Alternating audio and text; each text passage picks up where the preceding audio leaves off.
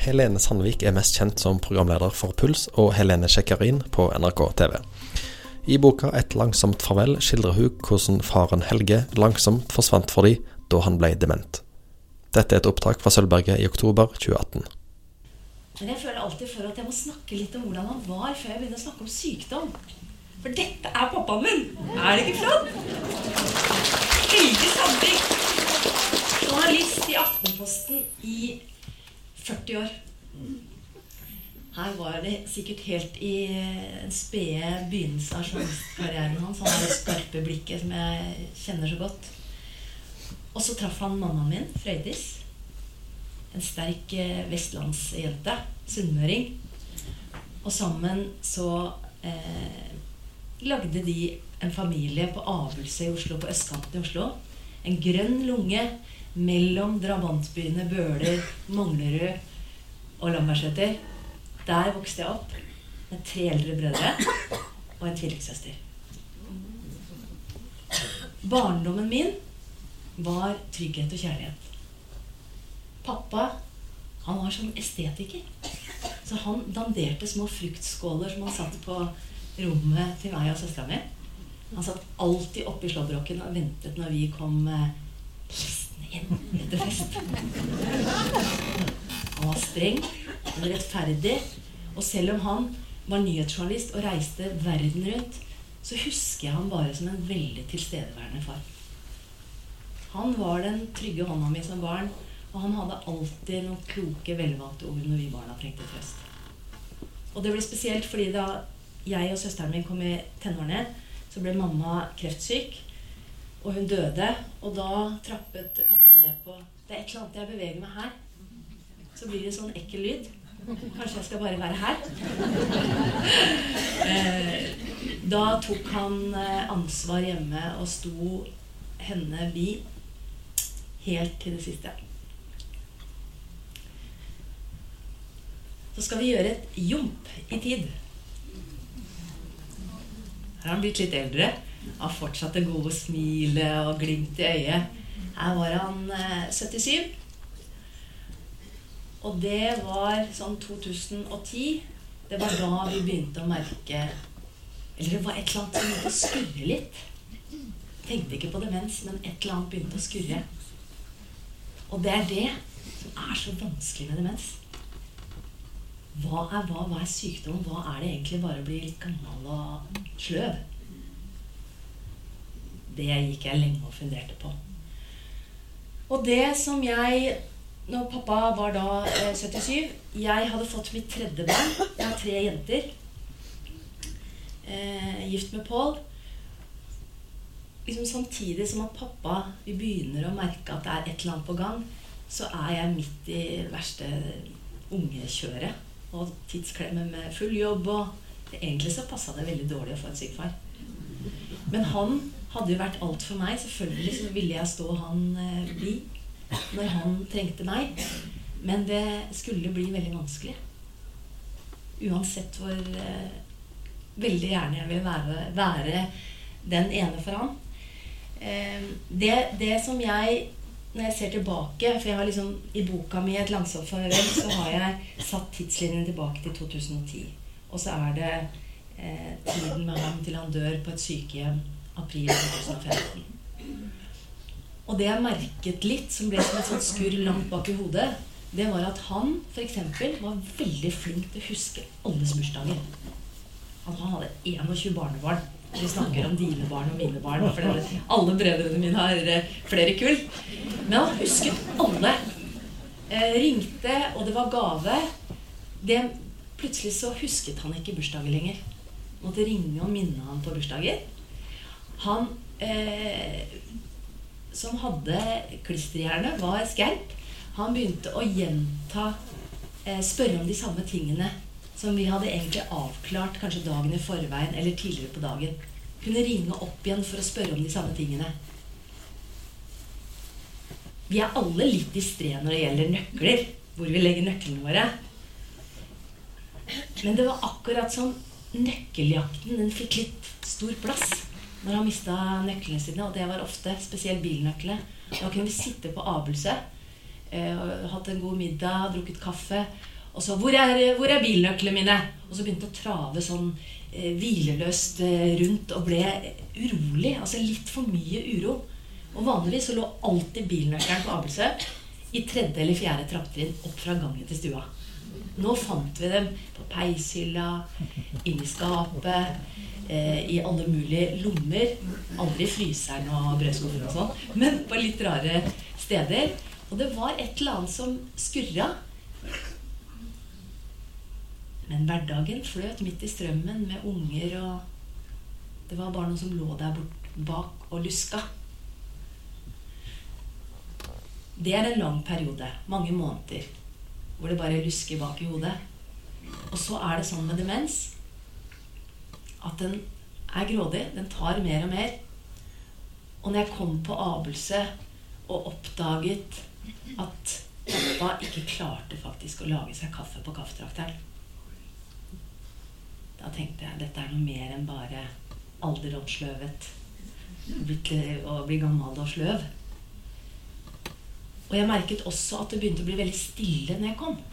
Han som alltid var så interessert og opptatt og gjerne så på nyheter og gode dokumentarer. og Det var så stille når jeg kom. Han så aldri på TV lenger. Han skjønte ikke hvordan man skulle bruke fjernkontrollen. Og det er ikke lett å bruke fjernkontroller i dag. Det, jeg sliter jeg når det er flere. Men han hadde én fjernkontroll som han alltid hadde hatt. Han klarte ikke å slå finne ut hvordan han skulle få det til. Jeg husker en gang Pappa er, var en veldig tålmodig mann. Jeg husker en gang vi hadde vært og spist middag. Vi var mye sammen. Vi har alltid vært en familie som har hatt glede av å spise middag sammen, reise på hytta på, på Vestlandet. Og vi satt der, Da hadde han en venninne, og vi hadde spist en god middag. Jeg hadde med de tre eh, små jentene våre, Pål og jeg. Og så eh, var det kaffe og is i stua. Og jentene skråla, som små eh, jenter gjør. Og så plutselig så roper han 'Nei! Nei!' Og så tumler han seg ut på kjøkkenet, akkurat som for å eh, romstere bort bråsinnet sitt. Og det var også en ny side ved han. Bråsinnet. Ah, litt atferdsendring. Og så var det noe med blikket etter hvert. Det skerpe blikket. Det ble litt borte. Visket ut. Er det mange som kjenner seg igjen? Ja. Det er veldig vondt å se. Eh, fordi at du vet at dette bare egentlig er starten. Da begynte vi søsknene å snakke om har han demens, eller?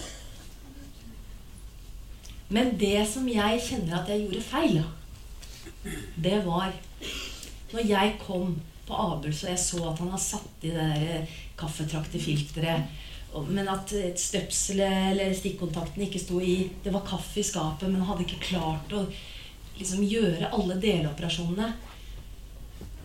Så skulle jeg sagt til pappaen min Pappa, nå ser jeg at du sliter med å gjøre helt hverdagslige ting som du har gjort med venstrehånda før. Nå setter vi oss ned, og så bestiller vi en time hos fastlegen. Så du får sjekka kroppen og hodet. Det gjorde jeg aldri. Jeg spurte en gang ikke hvorfor, hvorfor klarer du ikke å lage kaffe lenger. Og hvorfor gjorde jeg ikke det? Herregud, jeg har 20 års erfaring som journalist. Jeg stiller direkte spørsmål. Jeg føler aldri at jeg er redd for å stille mennesker eh, ganske tøffe spørsmål i jobbsammenheng. Men jeg fikk meg bare ikke til å ta det opp med pappa. Og det tror jeg handler om at han aldri åpna den døra. Han sa aldri til meg at Helene, vet du hva, jeg får ikke på TV-en, altså. Jeg, jeg, klarer ikke å lage meg kaffe lenger. Han sa aldri det. Og da kjente jeg at jeg klarer ikke å pirke borti selvfølelsen hans. For han var så stolt mann. Og liksom peke på det som ikke funka. Det er kanskje feigt. Eh, og jeg angrer på det i dag. Men jeg fikk meg bare ikke til det. Ikke søsknene mine heller. Og hvordan vi møter sykdom, handler kanskje om hva slags relasjoner vi har i en familie fra før også. Andre, for andre så kan det å ta opp sånne ting være helt ukomplisert. Men jeg forteller vår historie. Og vi syns det var veldig vanskelig. etter at vi begynte å merke at hukommelsen begynte å bli dårligere Vi har fått et bråsinne vi ikke kjente igjen. Det skarpe blikket var forsvunnet. Og det var noe med motorikken. Han begynte å stabbe litt. Han hadde veldig vondt i hoftene sine. Så jeg trodde at det var for det. Men jeg har skrevet boka og hatt en fantastisk eh, professor i geriatri som heter Torgeir Brun Willer som gikk gjennom boka, så sa han Helene, det handlet ikke bare om hoftene der, vet du. Og det visste jeg faktisk ikke. At demens det er ikke bare hukommelsessymptomer og, og, det at du forandrer atferd. Også motorikk. Litt sånn Parkinson-aktig stabbete gange. Litt sånn forvirra blikk. Eller sånn blikk uten, uten det derre personligheten det er også et symptom når sykdommen begynner å ta tak. Og pappa kjørte fortsatt bil. Jeg, må, jeg måtte skrive om bilkjøring. Herregud, vi hadde kvaler. Pappa elska bilen sin. Og det var friheten hans nå. Ikke sant? Bodde alene, kom seg til meg på besøk. Eh, kom seg opp på hytta. Men vi hadde så kvale for bilkjøringen hans. Jeg husker jeg satt på og har alltid kjørt bil var en god sjåfør. Inn i rundkjøringen var verst. Jeg spurte meg ganger pappa kan ikke jeg kjøre. Nei, han skulle kjøre. Og i en rundkjøring i litt for høy fart. Ikke helt sikker på hvilken fil han skulle i. Og så blindsoner og alt. Herregud, jeg var, eh, var, jeg var stiv av skrekk, altså. Og vi snakket om det, vi søsknene. Nå må vi gjøre noe. Det er Eh, farlig at han kjører bil. Ikke bare for han selv, men han kan jo skade andre. Tenk hvis han kjører på et barn. Eh, jeg husker i, i 2000, eh, eller Rett etter 2010 så drev de og ordna med Operatunnelen, Oslotunnelen. Det var veldig mye styr der nede. Og pappa kom til meg da den kjørte seg helt ut på bærtur. Og han var så forbanna.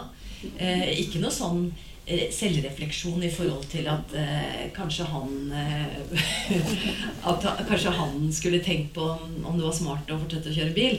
Men det var jo selvfølgelig alle andre. Eh, og dårlig skilting og alt sånt. Det var vanskelig å avgjøre. Men jeg skal lese et, et lite, en liten ting fra boka. En dag går det skikkelig galt, tenkte jeg med grunne meg. Nå hadde jeg så mye som pirka borti det stolte sjåførimaget hans, ville jeg fornærmet ham på det groveste. Han slappet av bak rattet, sa han. Jeg holdt kjeft, men Pål, mannen min altså, pushet meg til å snakke med søsknene mine. Vi er feige som ikke klarer å si det som det er. Det er på tide vi gjør noe, sa jeg til Anja. Anja er tvillingsøsteren min. Barna var i seng, og hun og jeg hadde en liten prat før vi skulle ta kvelden. Anja kjente på det samme ubehaget. Gutta også. Gutta er brødrene våre. Mens pappa fortsatte å kjøre, var handlekraften vår parkert et sted vi ikke fant. Alle mente det var nødvendig, men ingen sa noe til pappa. Kollektiv unnlatelse. Problemet var at vi visste hvor dårlig han kom til å ta det. Forsikringsbonusen var fremdeles på topp, og han hadde tross alt lappen. Vi ble enige om at fastlegen fikk ta støyten. Det er tross alt legers jobb å vurdere egnethet. Pappa var stadig hos fastlegen for alt mulig, og vi slo oss til ro med at han kjente pappa godt, og ville ta opp temaet når han mente tiden var inne. Pappa var jo mye hos fastlegen. Gamle eh, kropper kan feile mye. Eh, men jeg er sikker på at når pappa var hos fastlegen, så kom han jo med en eller annen vondt. Og du har ti minutter. Eh, og jeg tror også fastleger kjenner litt på ubehaget som, eh, som barna hans gjorde. At det å begynne å snakke om lappen, det vil ta tid. Og det er kanskje å sette et annet menneske i forlegenhet. Det sitter langt inne. Det tror jeg det gjør hos mange fastleger. Selv om de burde være modige og ta praten. Men vi kom legen i forkjøpet. Fordi på en handletur til Manglerudsenteret, på vei hjem, eller på vei ut av handlesenteret, så krasjer pappa fem biler. Han kjører og skraper og bulker opp fem biler som står parkert. Heldigvis blir ikke han skadet, og ingen andre skadet. Men da virkelig ble vi vekka til handling. Tenkte herregud, hva er det vi driver og feiger sånn på? Så tvillingsøsteren min, da, som er intensivsykepleier, og som alltid har hatt litt Hvis det er noe med pappa og leger, så er det hun som tar kontakt. Så hun ringte fastlegen og sa nå må du ta fra pappalappen før det skjer en alvorlig ulykke.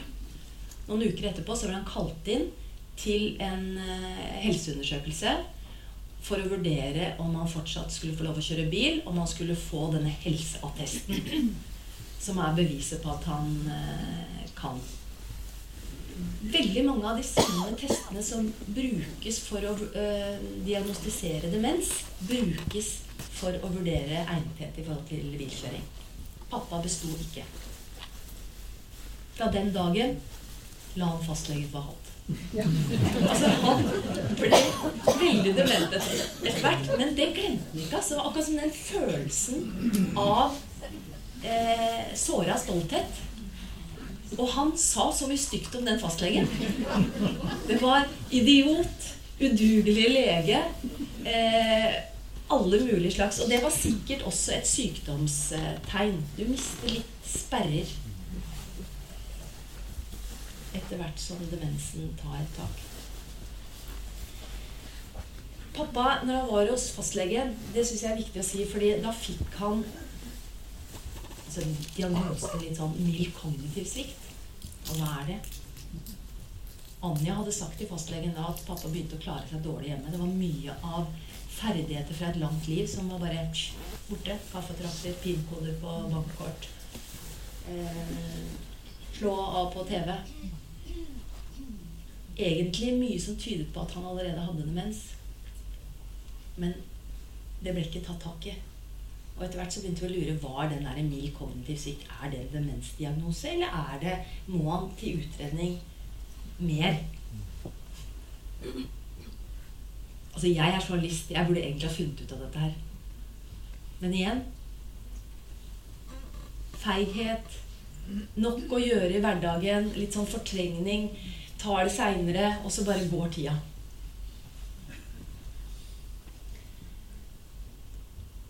Utover dette Pappa krasja de bilene i vinteren 2011.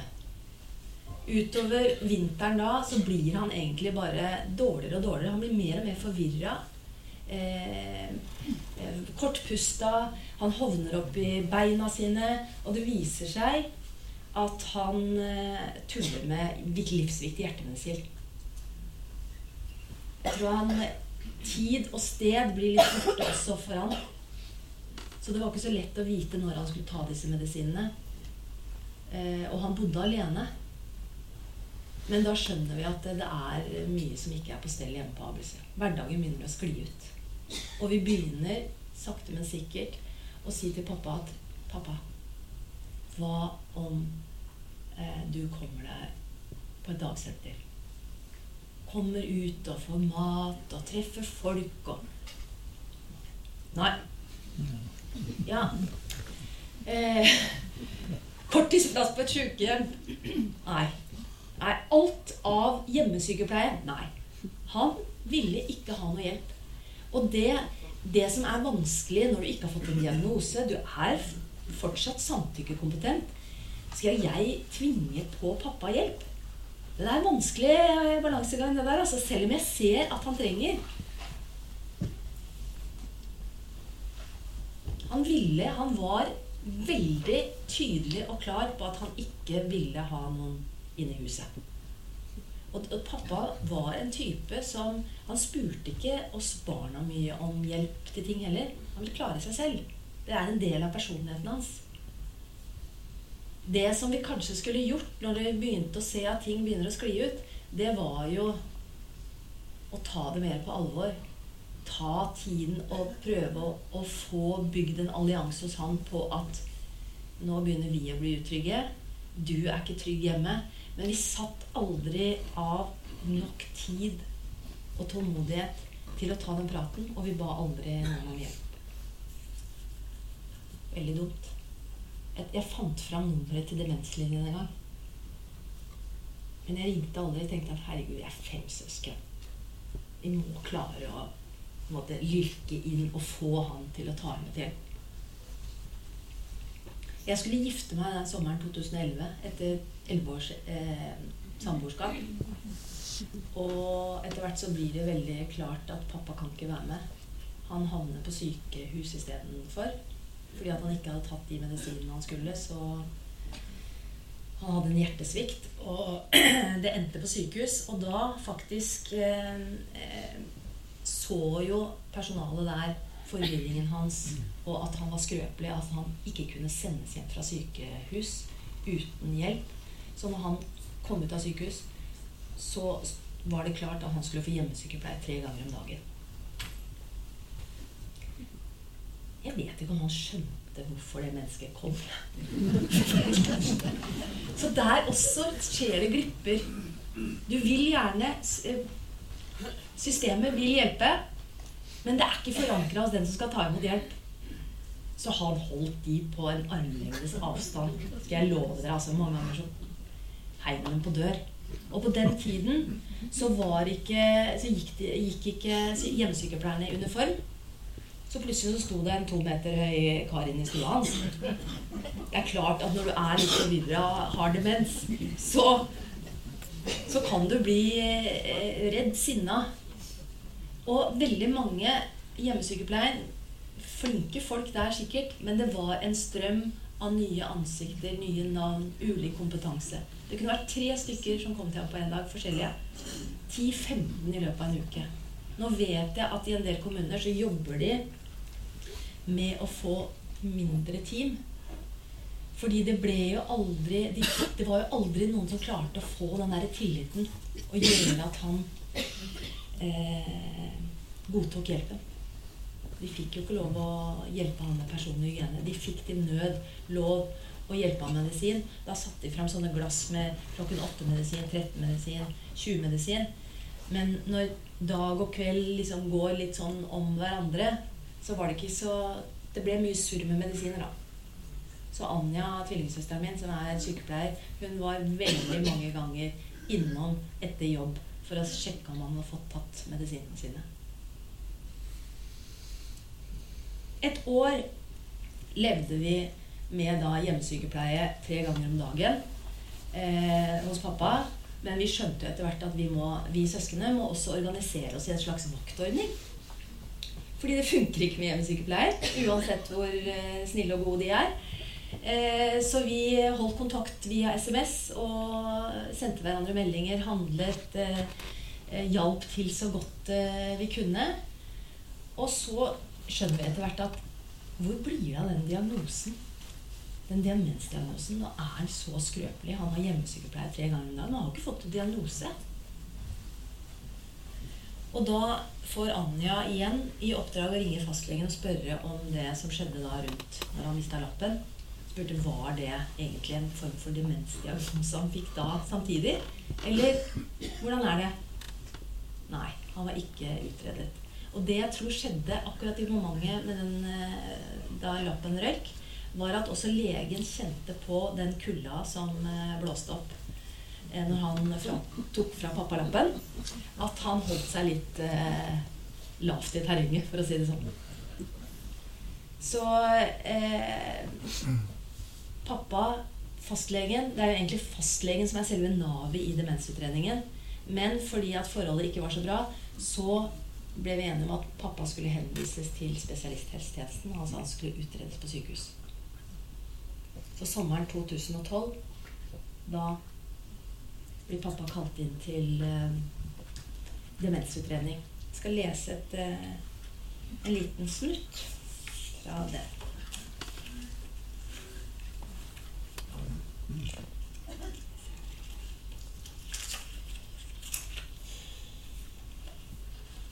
Ta meg ut på gårdsplassen og skyt meg hvis jeg blir så gammel og skral at jeg må på sykehjem. Sånn sa han det en gang for mange år siden.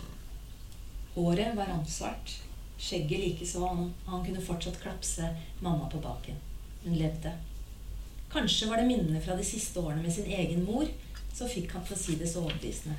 Farmor som alltid serverte lakrisbåter i sølvskål og strødde persille på potetene. Mot, mot, slutten av livet tisset hun i buksa og satt for det meste og kjede, kjederøkte Pål Moll uten filter på et sykehjem ved Frognerparken.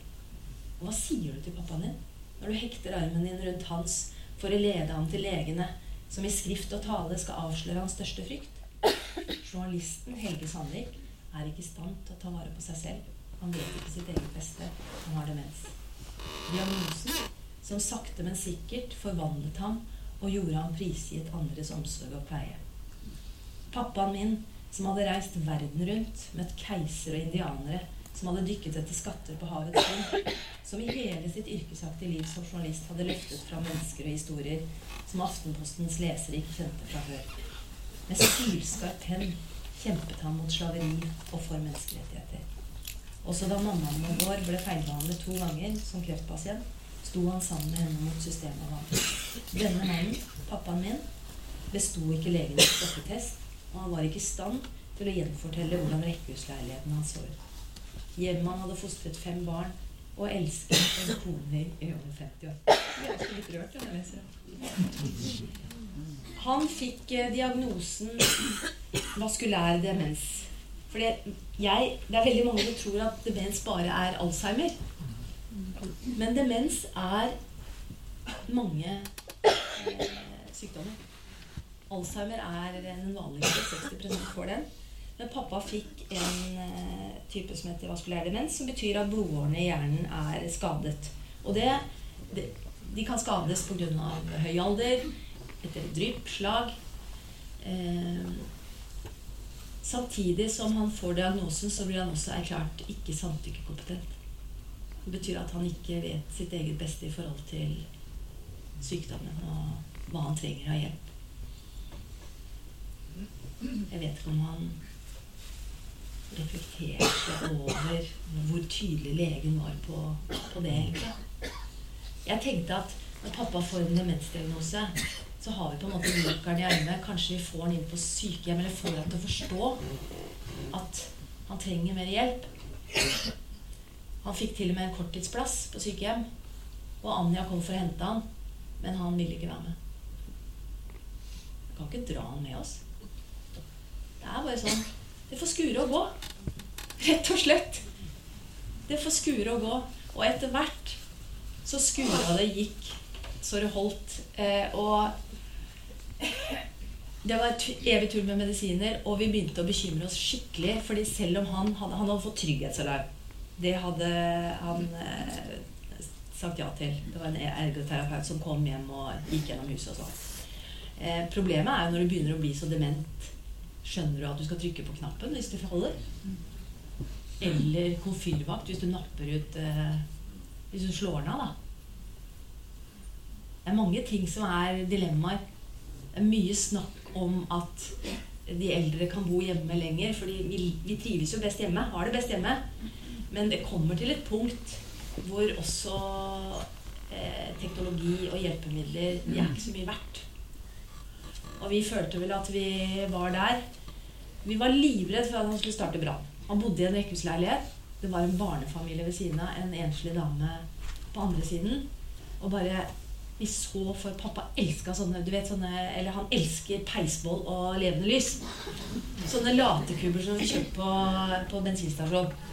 Han kunne finne på å tenne en sånn på kjøkkenet, på stearinlyset på bordet der, og så gå de eh, ti meterne inn i peisen og legge på. Så til slutt så ringte søsteren min og sa til eh, naboene at eh, nå er vi veldig bekymra. Pappa eh, er blitt dårligere, og dere må være oppmerksom på røyklokt Hvis det begynner å lukte brent, så må dere gjøre noe.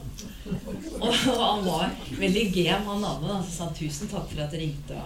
Han klippa gresset på pappa og måtte snø. Og, og så var det trappa. Han hadde to trapper i huset. En som gikk fra stua opp i soveromsetasjen, og en som gikk fra stua og ned til gangen. Og jeg vet ikke hvor mange ganger jeg så han for meg i sånn svalestup ned den trappa. Eh, og alle vi søsknene tenkte at det kommer til å ende sånn. At han detter ned den trappa og slår seg i. Det endte med et fall, men ikke trappa. En eller annen gang i løpet av natt, natta, eh, en januarnatt i 2013 så eh, faller han, eller på morgenkvisten. Hjemmesykepleieren finner han forvirra og nedkjørt på kjøkkengulvet. Og derfra så bærer det inn på sykehus og videre inn eh, på sykehjem.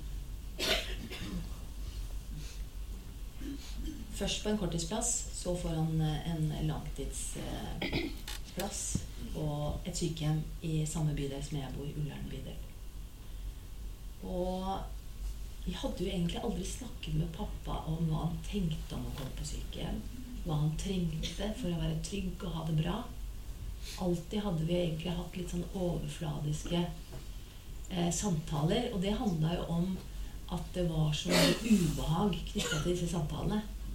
Og selv om du har blitt mange og 40, så er du du, du, har respekt for faren din, og du liker ikke avvisning, og du liker ikke at den blir sint. Altså, Det er rart, vet du. Sånn er det. Så vi gikk aldri noe dypt i de samtalene der. Og han hadde jo aldri villet på sykehjem.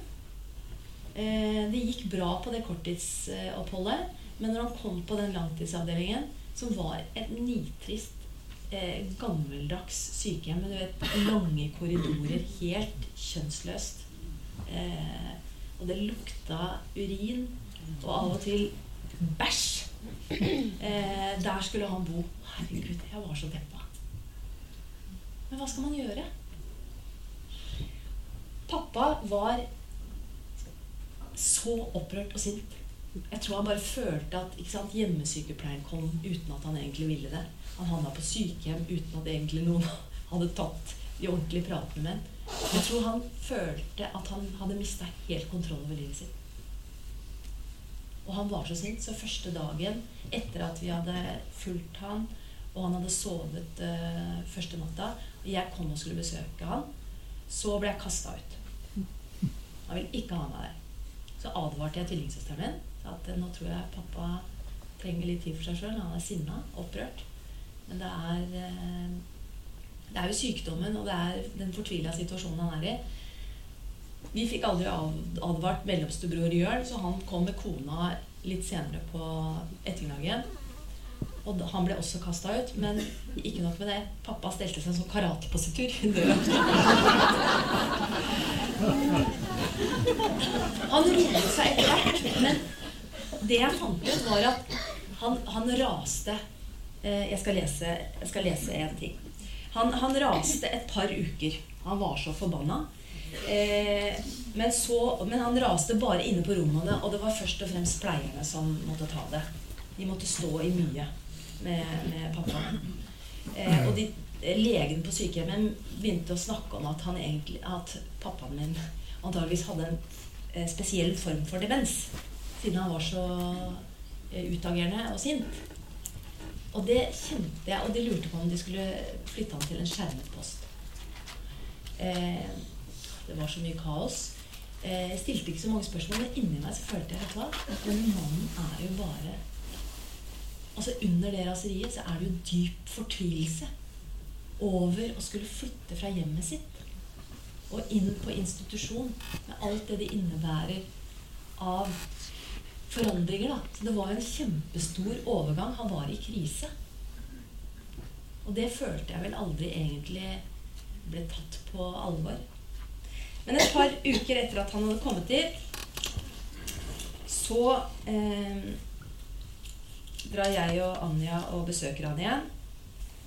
Og da Ja, da leser jeg. Et par uker etter at han hadde flyttet eh, inn på sykehjemmet, besøkte Anja og jeg ham sammen. Han lå i senga og så sliten ut etter strevsomme dager og netter. Men satt pris på nærværet vårt. Han koste seg med tvillingjentene sine rundt seg. Vi holdt ham i hver vår hånd og plutselig så, så han på oss og smilte og sa Nå har jeg mista imaget mitt. Akkurat sånn sa han det.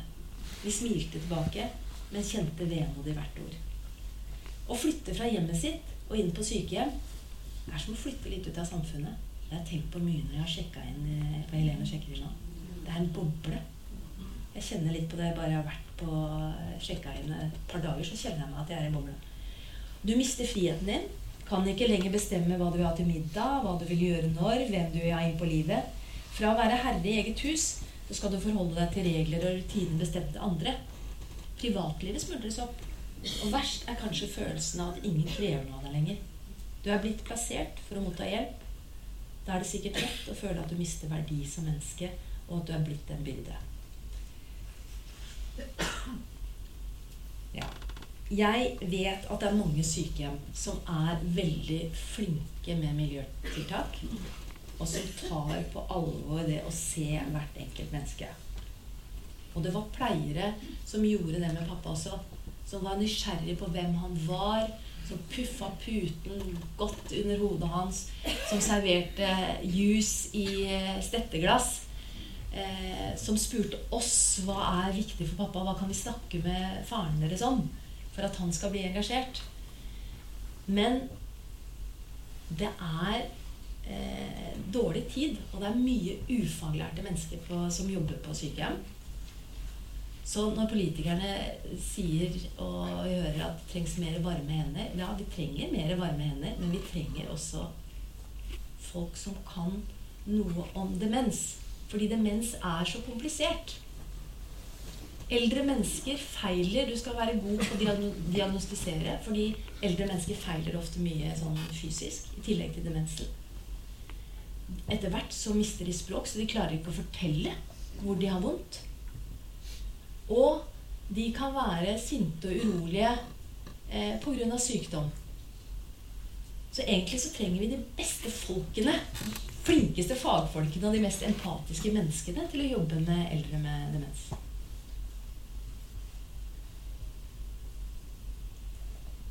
Det vi skjønte etter hvert, det var jo at det sinnet han hadde vist i overgangen fra hjem til sykehjem, det handlet ikke bare faktisk om demenssykdommen.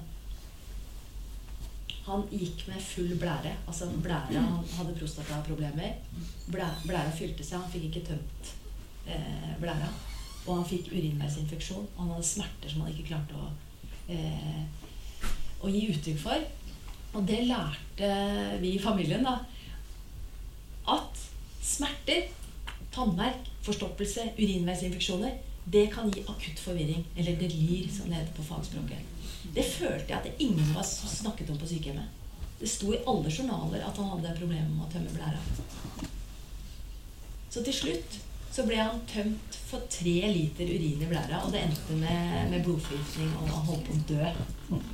Eh, og det Der kommer vi inn på faglighet. At det er viktig altså se de små tegnene.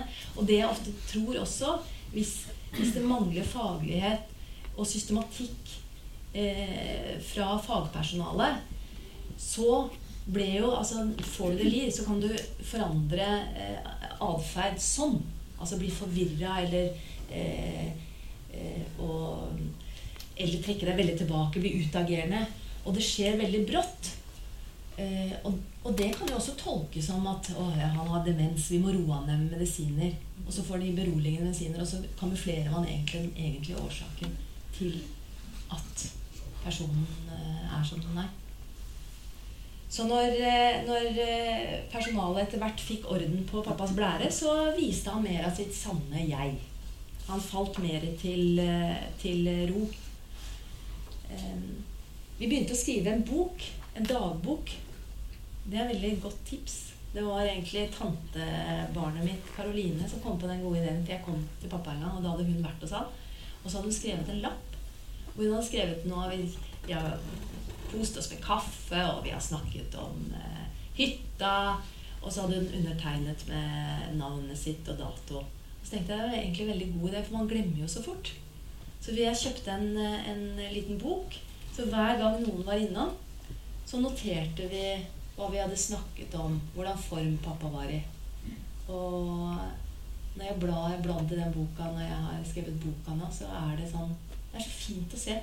Man ser den kjærligheten som er til en felles far. da.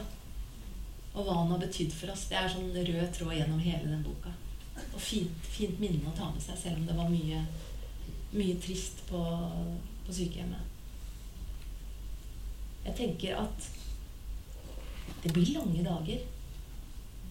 Og eh, hvis ikke avdelingen er opptatt av litt miljøarbeid, så er det liksom den turen eh, til eh, måltidene, og så fram og tilbake der.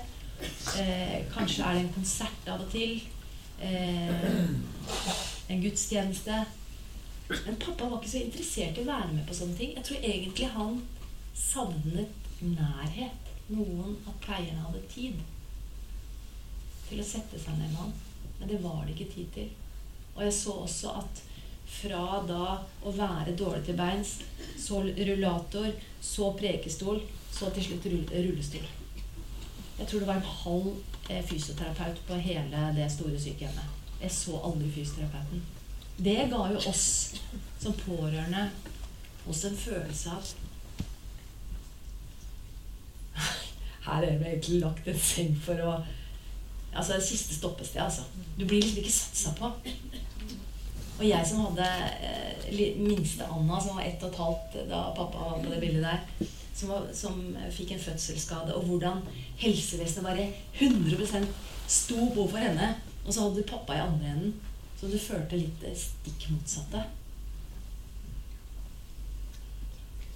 Bare det at, at pleierne kan sette seg ned ved et måltid og spise sammen med de som bor på sykehjemmet. Hjelpe dem hvis det er noen som begynner å småkrangle eller det er veldig taust. Hjelpe dem i gang med samtale. Hvorfor kan ikke de som vil, være med å dekke på? Altså fylle dagene med litt mening. Altså hverdagslige ting. For de som vil. Det tenkte jeg ofte på. Når du har eh, det som jeg Jeg husker alltid pappa og mamma. De var veldig opptatt av å stelle tennene sine. Eh, og ofte så satt de med sånn der, du vet, sånn tannbørste med en sånn én bust. Og så satt de der hver kveld pussa tennene. da, liksom Forsikringa for at ikke tennene skulle falle ut. Så kom pappa på sykehjemmet, og han spytta ut den ene tanna etter den andre. Da kom jeg på sykehjemmet, så var det sånn svære høl svart høl som lyste mot meg. Og så lå tanna ofte i en sånn grått tørkepapir. Og så tenkte jeg fy fader, pusser ikke tennene hans? Jeg ble så sinna. Jeg visste hvor mye han hadde stelt med de tennene sine. Men det jeg så da jeg begynte å bestemte meg for å skrive boka, var at jeg hadde fått ut alle journaler. Så jeg kunne se på en måte pappas kjøreturer fra legenes og pleiepersonalets eh, øyne. da. Jeg fikk meg aldri til å stille spørsmålet Pusser dere tennene hans. Gjør dere det? Eller gjør dere det ikke? Jeg syns det var for banalt, og det var så mye annet å bekymre seg for. Jeg fikk meg aldri til å stille det spørsmålet. Men da jeg leste journalnotatene, så skjønte jeg at de kom jo aldri i posisjon til å pusse tennene hans. Den første tiden var han jo så sinna. Han hadde aldri åpna munnen for at noen skulle pusse tennene hans. Men det er sånn Hvorfor ikke da samle familien og si vet du hva, vi kommer ikke i posisjon til å hjelpe faren deres. Eh, vi får ikke pusse tennene hans. Kan dere hjelpe oss? Kan dere pusse tennene hans et par-tre ganger i uka hvis dere er inne? Eller eh, sette Eller ta med Eller at vi kan eh, ta med fluortabletter. For én ting er jo at det estetiske ikke er så pent å se på en munn uten tenner. Men det er jo vondt. Og han hadde begynt å miste språket etter hvert og klarte kanskje ikke å sette ord på det at han hadde vondt. Så blir noen sirkel. Hvis det sitter eh, pleiere her, gå i dialog med familiene. Spør hva trenger dere for å føle dere trygge, for å føle at dere kan være til nytte. Vi er jo en veldig ressurs for våre. Vi kjenner uh, vår ektefeller, mor og far, godt og kan være en ressurs i en travel eh, hverdag. Jeg skal vise et eh, klipp. Fordi jeg tror jo etter hvert så eh, mister du alt av muskler eh, i beina, og han sliter med Det er sånn lidelseshistorie, altså. Men eh, han eh, blir etter hvert ganske sengeliggende, altså lenka til sengen. Og får jo ikke sett seg i speilet, da. Men når jeg tok fram kameraet og tok en selfie som jeg sendte til søsknene mine, og sånn, da Han ble så opptatt av seg sjøl. Og veldig opptatt av tennene. For da så han jo at han ikke hadde tenner. Jeg skal vise dere et uh, klipp. Nå er jeg hos pappa, og nå har jeg barbert deg. Du har blitt så fin. Og så Jeg syns jeg ser elendig ut, ja. Det kanskje. Jeg syns du ser ut som pappa, da. Du er blitt eldre, da. Og så koser vi oss med bringebær og druer. Ja. Og så har jeg fortalt deg at eh, neste uke så kommer eh, Gina sammen med meg, og så skal vi synge. Det er du glad i? Ja. Ja. Er det noe spesielt sang du har lyst til at vi skal synge? Hvis du får velge Hæ? fritt. Er det noe spesielt sang du vil vi skal synge? Er det noe Nei. Jo. Kom med en, et ønske, da.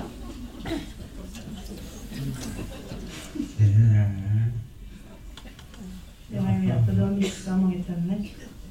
Det er litt trist.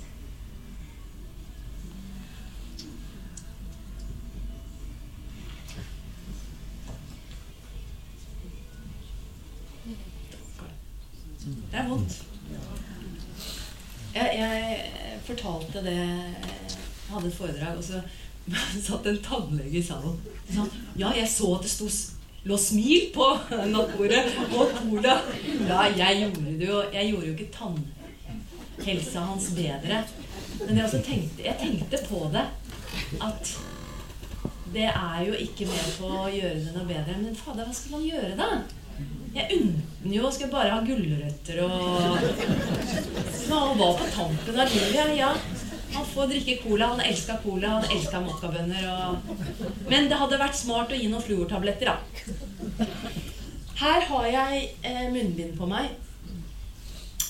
Og det som skjedde, nemlig, var at eh, i 2004 så ble det oppdaget eh, at pappa hadde resistente gule stafylokokker. MRSA. Og da var det sånn alle alarmknappene ble trykka på samtidig. Eh, Rommet hans ble gassa. Det ble oppdaget når han var inne på sykehus for å få tømt vannet rundt lunger. Eh, rommet hans ble gassa. Han ble sendt, han kom aldri tilbake. Eh, han ble sendt til en spesialavdeling for å bli kvitt bakteriene. Også sjokk for oss. Og jeg husker første gang eh, jeg skulle inn og besøke han, så måtte jeg inn på et utstyrsrom. Og der fikk jeg, måtte jeg ta på meg en sånn blå papir, eller gul smittefrakk. Sånn papirfrakk. Blått munnbind. Blå gummihansker. Og så skulle jeg inn til faren min, som jeg ikke hadde sett på to uker, for det var påske.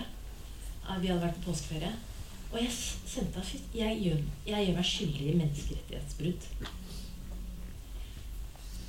Det viser seg at det hadde at det å sanere eh, mennesker med demens for MRSA er nærmest umulig. Det er et regime hvor du skal gurgle en munnskyllevæske. Du skal inn i dusj og skrubbes en gang om dagen.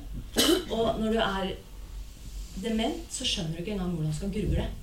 Allikevel så rev de han opp fra det sykehjemmet han da hadde begynt å tilpasse seg, eh, og sendte han til denne saneringen. Og klar, de klarte aldri å sanere ham. Han, han døde et, i et isolat.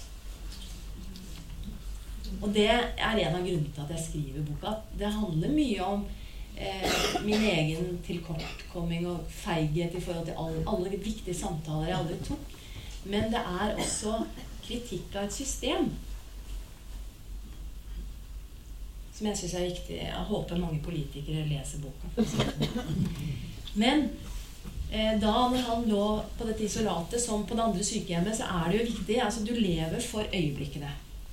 Han glemte sikkert mye av det vi hadde snakket om når vi var inne på rommet. Men det ble viktig for oss å ha det fint sammen eh, de gangene vi var sammen. Eh, og jeg drev eh, Dette var mens jeg var programleder i Puls. Vi lagde, skulle eh, følge en musiker og sykepleier rundt som heter Gina. Som spilte musikk på en eh, skjermet demenspost i Nittedal. Og så tenkte jeg hva om jeg tar med henne opp til faren min? Og så gikk jeg en, en lang runde med søsknene mine i forhold til å eh, la pappa være med på den reportasjen. Vi ble enige om at ok, vi skal eh, Pappa hadde nok ikke vært glad for at jeg viste den utetenner, men det er noe å vise mennesker bak eh, som jeg syns at dette filmklippet dere nå skal få se, viser. Så da kom Gina. Jeg hadde eh, ringt syke, sykehjemmet samme dag og spurt hvordan er formen hans. Han var i elendig form. Eh, litt sånn i døs. Ikke veldig snakkesalig. Og jeg var forberedt på at vi kom til å bli eh, kasta ut av øynene hans.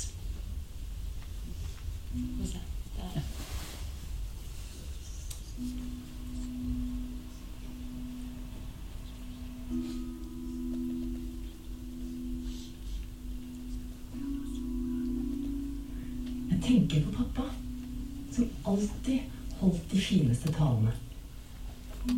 Som alltid hadde noen trygge, velvalgte ord når vi barna trengte trøst. Nå er det mye taust. Ordene faller ikke like lett, og han sliter med å huske. Der er hele familien KORK, da. Det er fra 80-årsdagen til pappa. Det var fin fest. Ja, det var fint. Og da spilte du piano. Ja. Nå må vi, ja, ta en Det der har du spilt på, har jeg hørt. Pappa spilte mye jazz. Du spilte vel i band, gjorde du ikke det? Ja. Hør nå. There's a ship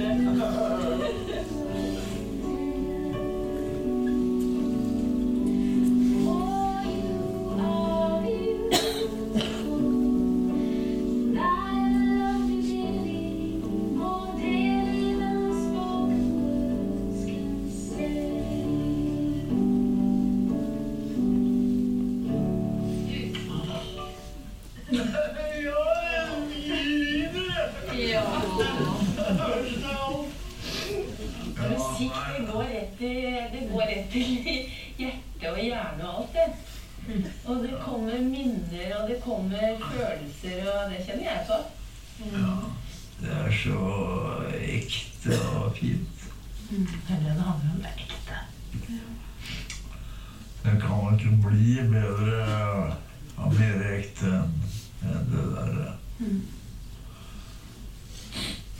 Det kan ikke bli mer ekte.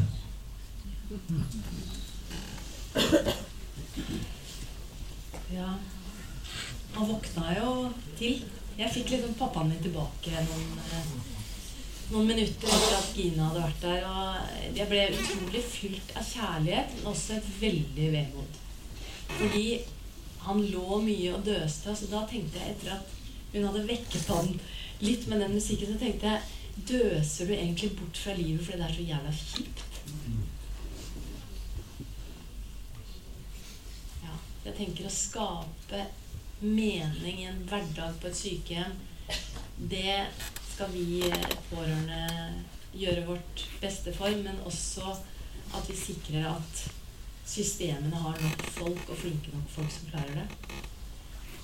Eh, Jeg har skrevet denne boka for å minne på de viktige, men vanskelige samtalene som, er, som vi skal ta før det er for seint. Eh, og jeg tror også håper også boken kan fortelle alle som står som fagpersonell eller ufaglært i pleien, hva vi pårørende trenger for å føle oss trygge eh, og til nytte.